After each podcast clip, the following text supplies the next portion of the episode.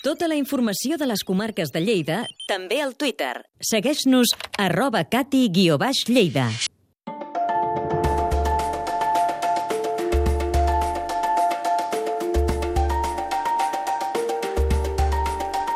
Les Borges Blanques a les Garrigues ofereix a veïns i visitants una ruta turística que recorre 13 indrets del municipi on es poden comprovar els efectes que hi van tenir els bombardejos de la Guerra Civil. A la ruta, sota les bombes, s'hi han incorporat recentment codis QR que permeten, amb la nova tecnologia mòbil, accedir a informació més detallada i ampliada sobre aquell episodi de la història de la població. És un reportatge de Pere Joan Álvarez.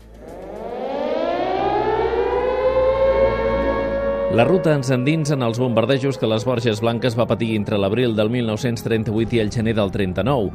Ens acompanya l'historiador local Marc Macià. Li preguntem pel criteri que s'ha seguit a l'hora d'ubicar aquests punts senyalitzats. On tenim espais que puguem documentar, diguéssim, gràficament l'efecte dels bombardejos sobre la població civil. No obstant, el primer dels punts situat a l'exterior de l'espai Macià té una explicació més política. Com la premsa franquista, quan cau les Borges en mans de l'exèrcit nacional, parla precisament de com cau el feudo de Macià.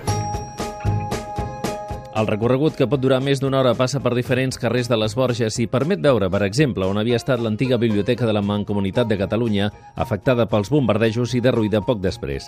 Aquells que disposin de dispositius mòbils d'última generació podran obtenir més dades a través dels codis QR que hi ha en cada punt senyalitzat. Pots mirar bé la, la fotografia i dir, mira, aquest edifici encara es manté i els dos costats eh, ja no hi són perquè precisament van ser bombardejats. L'alcalde Enric Mir creu que la ruta sota les bombes és una proposta d'un turisme turisme de qualitat. És una eina més a l'ordre del dia a nivell d'atensar tot el que és aquesta informació històrica de la població. A les Borges Blanques hi ha molt material gràfic dels bombardejos, ja que en va ser una de les poblacions més afectades, amb més d'un 40% del poble destruït. La informació i les imatges a disposició de tothom que passegi per diferents carrers de les Borges en una ruta a cel obert.